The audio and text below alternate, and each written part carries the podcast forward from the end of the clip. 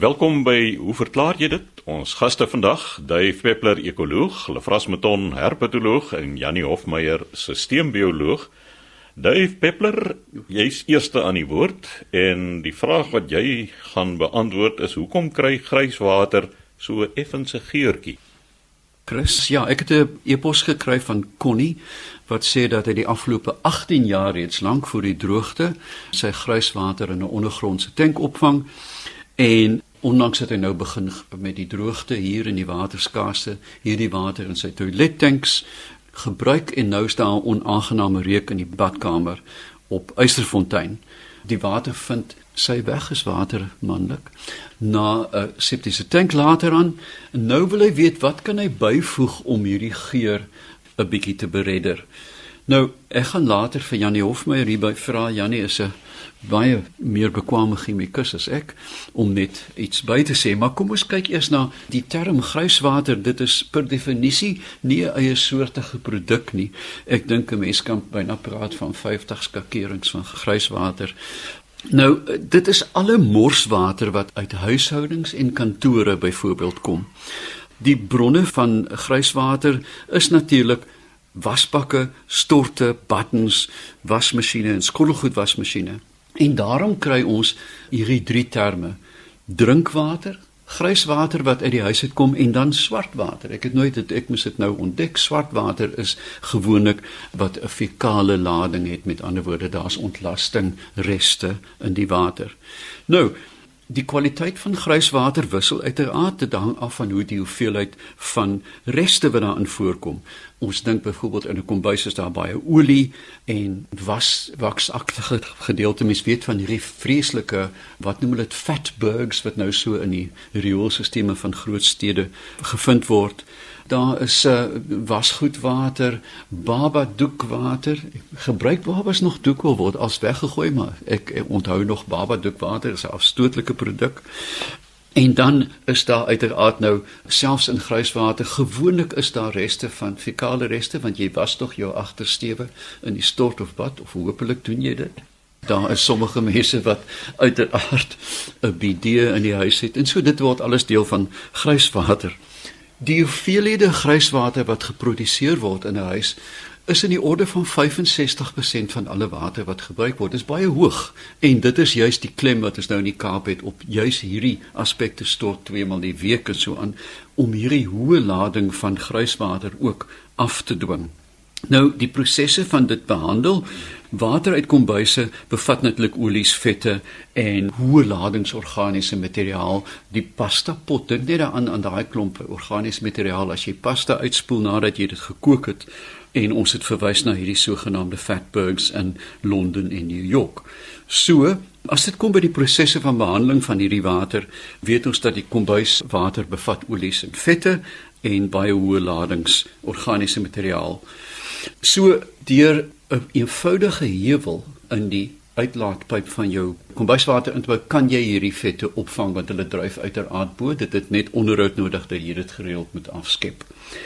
Dan die beste ding uiteraard is om hierdie water dadelik te gebruik en nie op te berg nie. As jy 'n stelsel kan ontwerp sodat dit die toepassing van hierdie water onmiddellik is, want die oomblik as jy gaan begin met berging gaan daar gistingsprosesse en afbreekprosesse begin. 'n baie interessante manier om dit te hanteer is netlik deur biologiese stelsels, deur die water te voer deur 'n plantbedding. Ek het jare gelede die Wesbank besoek in Israel waar in 'n Palestynse kamp wat in 'n natuurlike opvanggebied is, ek die wonderlikste stelsel gesien het dat die strate is as opvanggebied en dit sluit nou hondekuttels soos die op Hollanders sal sê en wat ook al wat dan gevoer was na 'n vlakdam met eendwier, duckweed daarop. Die is gevoer aan 'n krale bokke daarom. Hulle het die water gesuiwer, dan het dit ingeloop in 'n dam waar daar tilapia was. Met ander woorde, hulle het 'n deurlopende stelsel gehad en die water is trapsgewys gesuiwer en die byprodukte benut. So daar was visse, daar was groenvoer vir die bokke, 'n wonderlike stelsel. So ons kan in 'n klein op 'n klein skaal selfs by die huis 'n klein vlei landjie ontwikkel. En dan is daar kompakte stelsels, maar die goed is duur. Dit is membraan bioreaktors, ek weet nie hoe die goed spesifiek werk nie, en dan ook op 'n groter skaal geaktiveerde modder soos 'n mens sien in die industriële toepassing van grijswater buite dorpe. Die voordele is natuurlik dat ons minder water in die septiese tank inbring, dat energie van water beweeg en chemikalieë lading afneem en dat ook dat grondwateraanvulling op 'n klein skaal gebeur maar as genoeg mense dit doen oor die landskap heen is dit noemenswaardig. En uiteraard dan in terme van tuine die hergebruik van voedingsstowwe. Nou is dit veilig? Dit is veilig vir besproeiing uiteraard. Maar moenie gesproei word sodat dit 'n aerosol vorm nie Met ander woorde, ons moet die tuinslang dan op die grond hou en dit inmolm of teen die plant aanwend, maar nie met 'n sproeikop nie, want dan kan van hierdie middels of chemikalieë in die water geaktiveer word in 'n aerosol. So, indien 'n mens dan grijswater gebruik, is dit heilsaam om blykmiddels natriumhipokloriet en al die goed te vermy want dit gaan netlik bioakkumuleer in die grond. En badsoute moenie jy weet die ou dae het jy so 'n botteltjie gekry met poeierblou badsout wat die water netlik baie swaar kloor gebaseer gaan maak. En ook skoonmaakmiddels moet 'n mens dan in 'n groot mate vermy. Mens kan wegkom deesdae met seelemoen en asyn in 'n hele klomp ou boererate wat hierdie skoonmaakmiddels net so effektief vervang en vir my ook dan boerprodukte. Jannie, watter produkte bevat boer? Borax. Borax. Borax. Ja, ah, ja, dis wat die boer vanaand kom van die ja. metaal. En as jy wat uh, middels in die kombuis wat borax bevat. Dankie. Meeste opwasmiddels bevat netlik soutte, natriumsoutte en, en dit kan geneutraliseer word deur gipsteeg byvoorbeeld op skaal dan kalsiumsulfaat by die water te voeg en dit so te elimineer. So mens moet ook dan in in terme van seep seep wat laag aan natriumsoute is en jy kan dit deesdae op die etiket lees. Buitehuis vir die tuine, binnehuis hoofsaaklik vir toilette spoel. So, kon nie in jou geval Ek dink die eerste reël gaan wees om so ver as moontlik organiese materiaal uit jou grijswater te verwyder, veral in terme van die kombuiswater. Gebruik die water so vinnig as moontlik. Moet dit nie opgaar nie. En laastens uh, een van die interessante meganiese maniere om water te belug en so oksidasie van hierdie produkte aan te help is vloeivorms. Daar is hierdie Jarna vloeivorms wat water aktiveer soos dit daardeur vloei. Maar ek sal miskien in 'n volgende program praat oor hierdie natuurlike vorms in die natuur wat van toepassing is David is 'n uh, interessante onderwerp vir almal van ons. Ek het ook 'n grijswaterstelsel ingesit en sit natuurlik ook met die die water wat so 'n bietjie van 'n van 'n reukie het. Natuurlik dit word veroorsaak deur hoofsaaklik bakterieë wat swavelverbindings produseer. En daar is heelwat produkte op die mark wat ander bakterieë bevat wat mens dan bysit in die hoop is dat daardie bakterieë die ander oorgroei en sodoende die balans versteur na minder van hierdie swavel produserende bakterieë is baie van hierdie produkte bevat dan ook 'n reukmiddel wat baie sterk is. Met ander woorde, dit oorskadu eintlik die stank. En dit werk natuurlik, en al wat jy wil dit nie hê dit moet so sleg ruik nie. Maar die ding wat mense soos jy gesê het, absoluut moet vermy, moenie die water probeer steriliseer op een of ander manier. Chemies steriliseer deur byvoorbeeld swembadkloor of iets daarbey te voeg nie. Dit is nie 'n goeie idee nie. Jy kan dit wel, ek het tevore daaroor gepraat, as jy alge in jou reentanks kry, dan kan mens dit steriliseer met kloor want na 'n tyd verdwyn natuurlik die kloor ook en dan is dit eintlik weer drinkbaar dan maar moet dit nie met jou grijswater probeer nie. Die ander ding is die aanbeveling is eintlik dat mens nie jou skottelgoed waswater in jou grijswaterstelsel moet insit nie maar jou gewone wasgoed, jou ja, wasgoedmasjien. Gebruikswater, jou wasgoedmasjien is wel heel heel aanvaarbaar. Skottelgoed waswater bevat natuurlik baie organiese reste en olie en dis juist wat jy nie daarin wil hê nie. So sê Dave Peppler, ekoloog en Janie Hofmeyer, sisteembioloog. Hulle vra: "Hoe lank kan 'n skilpad sy asem ophou?" So lank as wat hy wil. Dit is nou na aanleiding van 'n uh, tweede vraag wat ons van Johan Resou van Brits ontvang het. Hy sê hy het op 'n stadium skilpaaie aangehou as troeteldiere, hy het ook 'n swembad en die skilpaaie het gereeld in die swembad beland en dan gesink tot op die bodem en dan het hy hulle wanneer hulle nou vind uitgehaal, bietjie in die son gesit en na 'n tydjie dan is die skilpaaie weer spring lewendig. Nou, eerstens ons het by 'n vorige geleentheid gesels oor landdiere en ek het toe gesê dat die meeste van hulle kan swem in die rent. Nou skilpaaie het mos nou 'n dop en 'n dop is is 'n redelike gewig. So baie van die kleiner skilpaaie as hulle in water beland dan sink hulle. Daar is net die hulle is te swaar. Maar jou groter skilpaaie soos die bergskilpad byvoorbeeld, hulle longe is groot genoeg as daardie longe vol lug is, dan dryf hulle. En dit is natuurlik van daardie groot skilpaaie, wat is daardie eiland waar daardie reuse skilpaaie voorkom? Hulle is bekend dat hulle lang afstande in die see kan dryf maar hierdie kleiner skilpaadjies hulle sink. Nou ek het in die jare 80 het ons op bergskilpaaie moes ons 'n klein operasietjie uitvoer en dit was nodig dat ons hulle bietjie moet uitsit en ons het daai tye maar nog was nog primitief ons het eter gebruik dan sit jy nou in 'n houe wat die eter dampe is en daai skilpad kom net niks hoor nie jy sit basies die hele dag en dan kom uit en dan want hulle hou net eenvoudig op asemhaal. So dit is basies dieselfde wat hier gebeur wanneer hulle in die water val. Ons moet onthou hulle metabooliese tempo is is laag. Hulle is ektoterme, die water is koud en ek dink hulle is in staat om nog daardie metabooliese tempo aansienlik te verlaag en dan het hulle baie min suurstof nodig. En Jannie ek is nou nie goed op daardie terrein nie maar bietjie anaerobiese metabolisme waar dit nodig is kan hulle ook 'n ver pad loop. En dan het hulle eintlik bitter min suurstof nodig en hulle kan lank dus sonder suurstof oorleef. En dit bring mens dan nou dadelik by seeskilpaaie en hierdie kwessie van longe wat gevul is met lug Ons weet die leerrug seeskilpad kan tot so diep as 'n kilometer duik en as hy op daardie diepte kom en sy longe is vol lug, dan kan daar lelike dinge begin gebeur dat die gasse kan oplos in die bloed en dan kry ons borrelsiekte wat ons in Afrikaans noem of bens in Engels en dit kan natuurlik groot probleme veroorsaak. Maar hierdie duikende skilpaaie so te loop hulle kan tot 2 uur onder water bly as hulle so duik sonder om asem te haal. Maar hulle is nog nie baie diep nie, dan val die longe plat, al die lug word uit die longe uitgeforseer. En so daar is wanneer hulle daardie dieptes bereik is daar nie lug in die longe nie. So dit verhoed dat daar nou hierdie borrelsiekte ontstaan. Ja, so gesê het normaalweg in die see, dit hang natuurlik af van die temperatuur van die water, kan hulle tot so 45 as hulle nou aktief rondswem, hierdie seeskilpaaie 45 minute, dan kom hulle op, kry bietjie lug. Maar van die landskilpaaie, baie interessant, daar's van hulle wat hiberneer die hele winter onder die water bly sonder om asem te haal, né? Dit is etlike maande.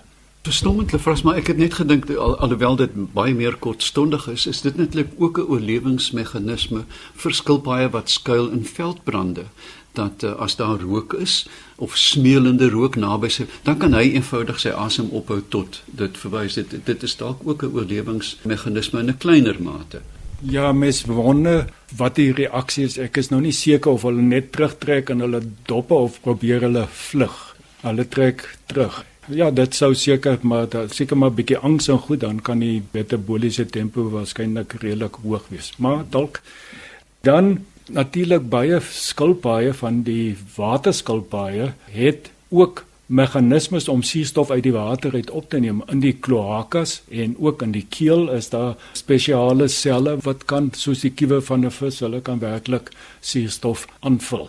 En nou dink 'n mens onwillekeurig nou ook aan soogdiere. Hoe goed is soogdiere? Hoe lank kan soogdiere hulle asem ophaal? Ons weet soogdiere is nou endoterme.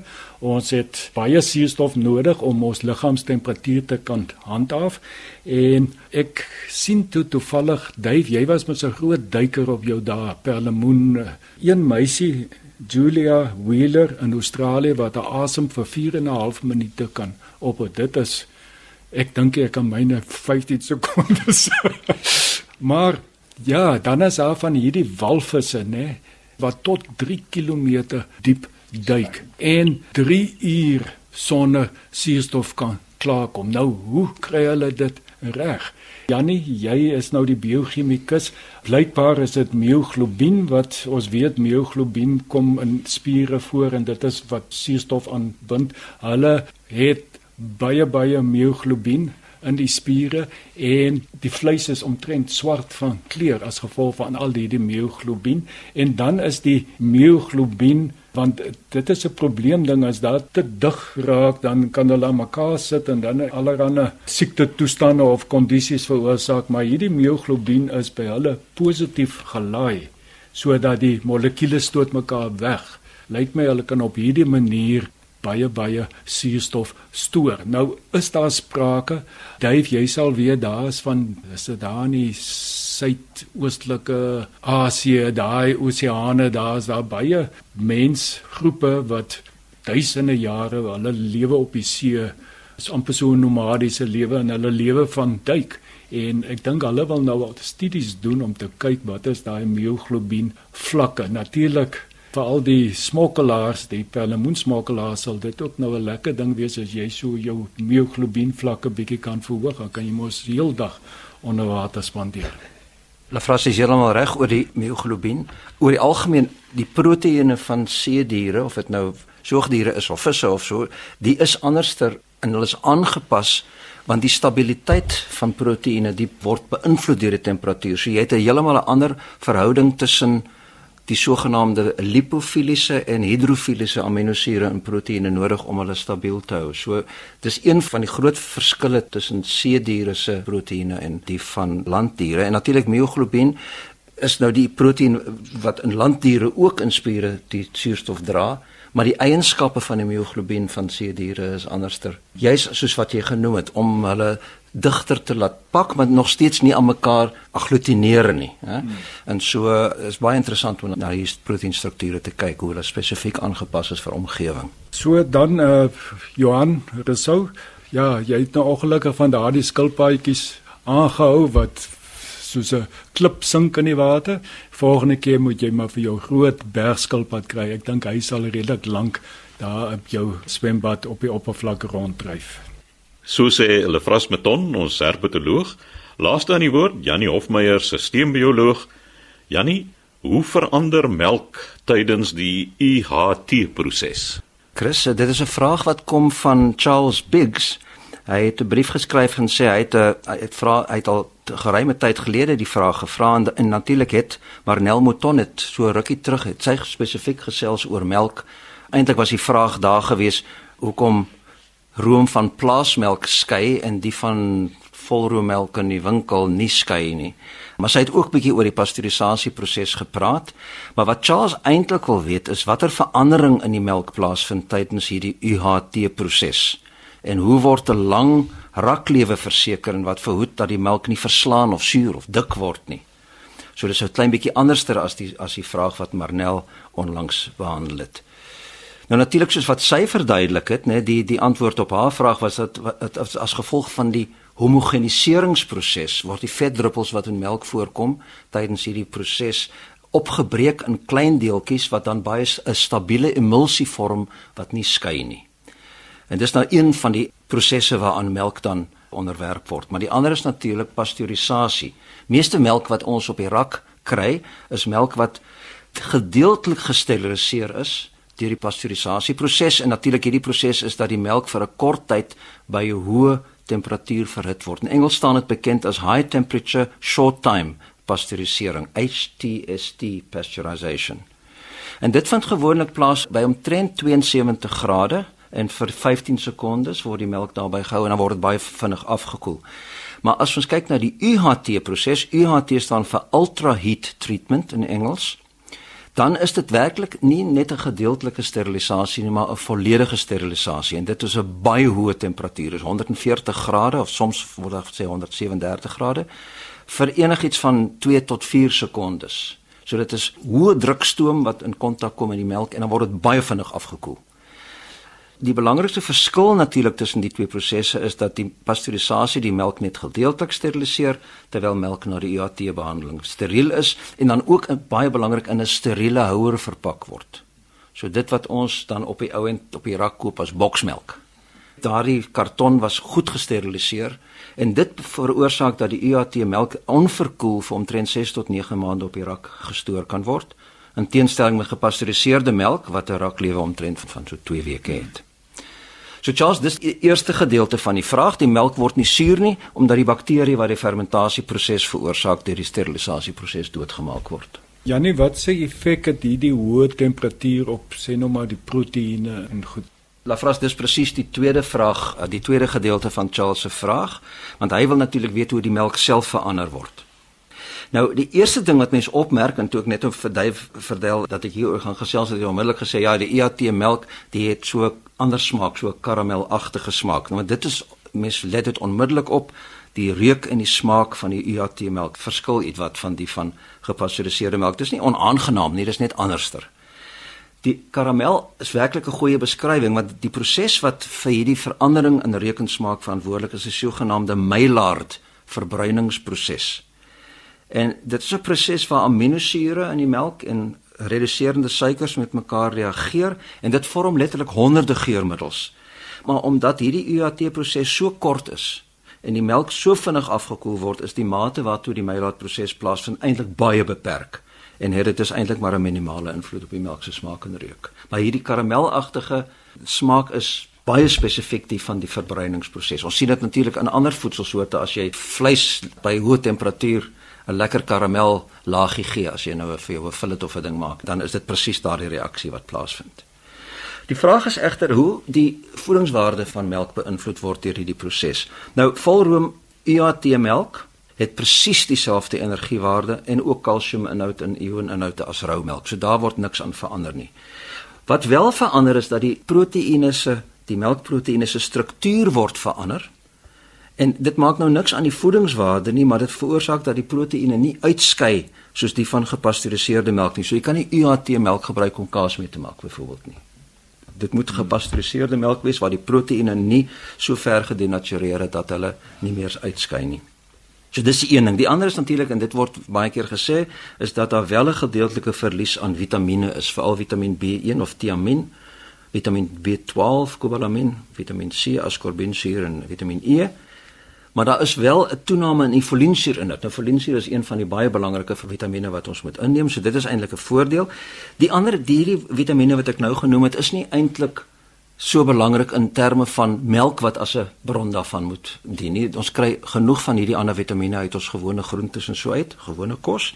Wat baie belangrik is is dat Vitamiin A melk 'n baie belangrike bron van Vitamiin A is en dit blyk asof die UAT proses nie die Vitamiin A inhoud enigsins affekteer nie. So in daai opsig is die UAT proses eintlik onskadelik. So oor die algemeen is UAT melk alhoewel daar 'n bietjie verandering plaasvind ten opsigte van voedingswaarde, maak dit geen verskil nie. Janie, wat sou die effek wees op die prys van die melk? Ek is nou nie seker nie. Ons koop nie gereeld UAT melk nie, maar sover ek weet is dit duurder. Oh ja. Heelwat duurder as gewone volroommelk. Dis waarskynlik as gevolg van die proses wat 'n heelwat duurder proses is. Die apparaat wat daarvoor gebruik word is heelwat meer gesofistikeerd. So sê Janie Hofmeyer, ons sisteembioloog, skryf gerus aan ons by hoe verklaar jy dit? Posbus 2551 Kaapstad 8000 of stuur 'n e-pos aan chris@rsg.co.za.